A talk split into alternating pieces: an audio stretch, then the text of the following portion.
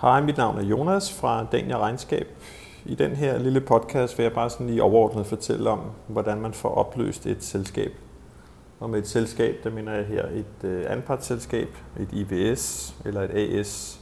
Det er sådan set samme øh, procedure for alle sammen.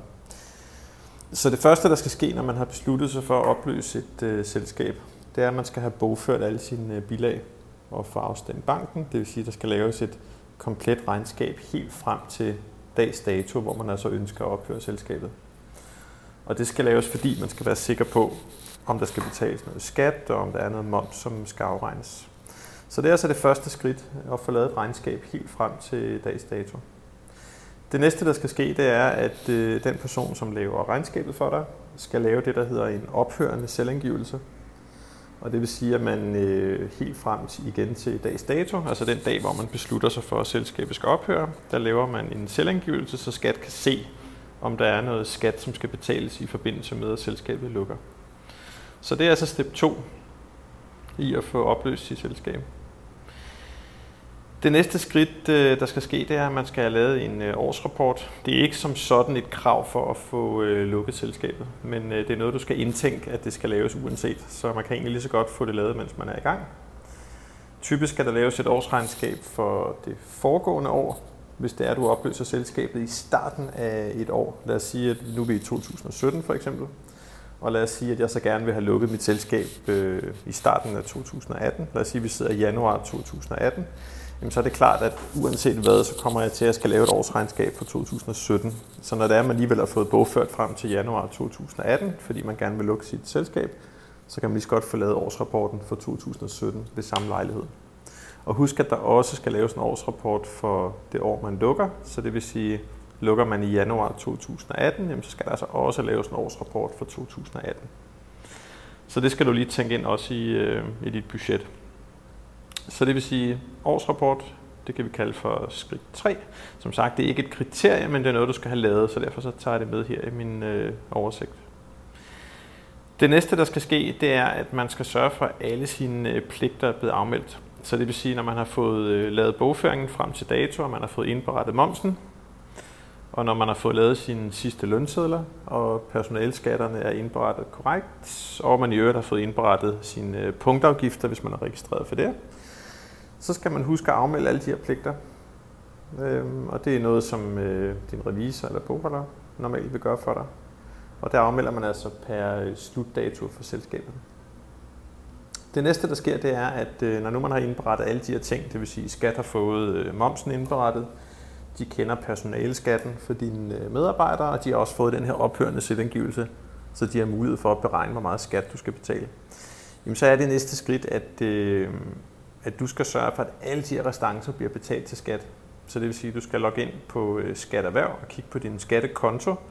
Og inde på skattekontoen, der kan du så se alle de her beløb, som er forfaldende. Og være opmærksom på, at selskabsskat muligvis ikke er forfalden på det tidspunkt, hvor du tjekker. Så der skal du lige koordinere med din øh, revisor eller bogholder, at du får øh, afregnet selskabsskatten også, så det ikke er det, der ligesom står og, og hænger. Normalt så forfalder selskabsskatten den 20. november hvert år. Så hvis det er, at du lukker selskabet i starten af året, jamen, så kan der være lidt udfordringer med lige at få afregnet selskabsskatten, hvis du gerne vil have lukket hurtigt, vil jeg mærke. Så øh, skridt 5, jamen, det er altså, at du får øh, betalt alle de her restancer. Moms, selskabsskat, personalskat, alt det du har stående åben hos øh, skat. Det næste step, det er, når, nu har du fået, når du har fået betalt det hele, jamen, så skal der laves det, der hedder en øh, betalingserklæring. Og det er noget, igen revisor og bogholder laver til dig. Og det er egentlig bare en erklæring. Der er sådan nogle formelle krav til den. Øh, men det er sådan en simpel erklæring, hvor at øh, ejerne af selskabet erklærer, at alt gæld er betalt. Man skal passe lidt på, når man laver sådan en betalingserklæring, fordi når man skriver under på den, jamen, så skriver man også under på, at hvis der skulle komme nogle krav i fremtiden, så hæfter man faktisk personligt for det, som, øh, som det vi kalder kapitalejer, altså den person, der ejer anparterne eller aktierne i selskabet. Det kan godt være, at det lyder meget uskyldigt, men hvis du kunne forestille dig måske om et år, at der kom en eller anden kæmpe retssag, og selskabet blev dømt til at betale en øh, million, jamen hvis selskabet så er lukket, jamen så er der faktisk ikke noget begrænset ansvar, fordi selskabet findes jo ikke mere. Og det man så kigger på, det er så, jamen, hvem har underskrevet den her betalingserklæring. For det er faktisk jer, der kommer til at betale for øh, fremtidige krav. Så den skal man altså være helt sikker på ikke bliver et øh, problem ude i fremtiden. Hvis man har nogen som helst øh, udfordringer med at underskrive sådan en betalingserklæring, fordi man er bange for, at der skal komme nogle krav, enten inden for kort sigt eller på lang sigt, så er den eneste anden udvej altså at få øh, enten øh, tvangsopløst selskabet, eller få det opløst via en konkurs. Hvis man vil opløse det sådan på den pæne måde, øh, jamen, så skal der altså en betalingserklæring til. Så den skal du lige være sikker på, at du kan stå på mål for. Når betalingserklæringen er lavet og underskrevet, jamen, så er det næste, man skal have, det er en erklæring for skat om, at al restance er betalt. Det vil sige, at du fik betalt både momsen og selskabsskatten og personalskatten og punktafgifterne, hvis du har det. Og når skat lige har tjekket, at det er tilfældet, jamen, så udsteder de en, øh, det kalder man en restanceerklæring, og sender den til din revisor eller bogholder. Og den skal man bruge for at kunne få opløst selskabet. Det er faktisk det sidste øh, skridt, der ligger, før man kan bede Erhvervsstyrelsen om at lukke dit øh, selskab. Så det var sådan en hurtig oversigt over, hvad der skal til. Øh, og det her det er som sagt det, man kalder den, øh, den pæne måde at lukke et selskab på. Så det vil sige, når man lukker det på den her måde, jamen, så vil der bare stå inde i CVR-registret, at du har fået opløst selskabet efter det, der hedder betalingserklæringen. De andre måder, der er, jamen, det er som sagt tvangsopløsning, og så kan man få opløst selskabet også via en konkurs. Så øh, det, er sådan, det her det er den pæne måde, og de andre måder, det er det, man kalder sådan de, de knap så pæne måder. Så det er sådan set det. Hvis vi skal hjælpe dig med at, at opløse dit selskab, jamen så tager vi for hele den her øh, proces, der tager vi 3.000 kroner plus moms. Og den pris, den dækker altså ud over at kommunikere med dig og forklare, hvor vi er henne og hvad der skal til. Jamen så dækker prisen, at vi får lukket selskabet, at vi afmelder moms, så vi afmelder arbejdsgiverregistrering, vi indhenter den her restanceattest for skat, og vi indhenter en betalingserklæring for dig. Og så i det hele taget bare, jamen, så dækker prisen, at vi styrer hele processen og sørger for, at dit selskab det bliver opløst. Udover de 3.000 kroner, jamen, så vær opmærksom på, at bogføringen er ikke omfattet. Så det vil sige, at hvis der ligger noget bogføring, der skal laves, og noget bankafstemning, så skal du betale separat for det.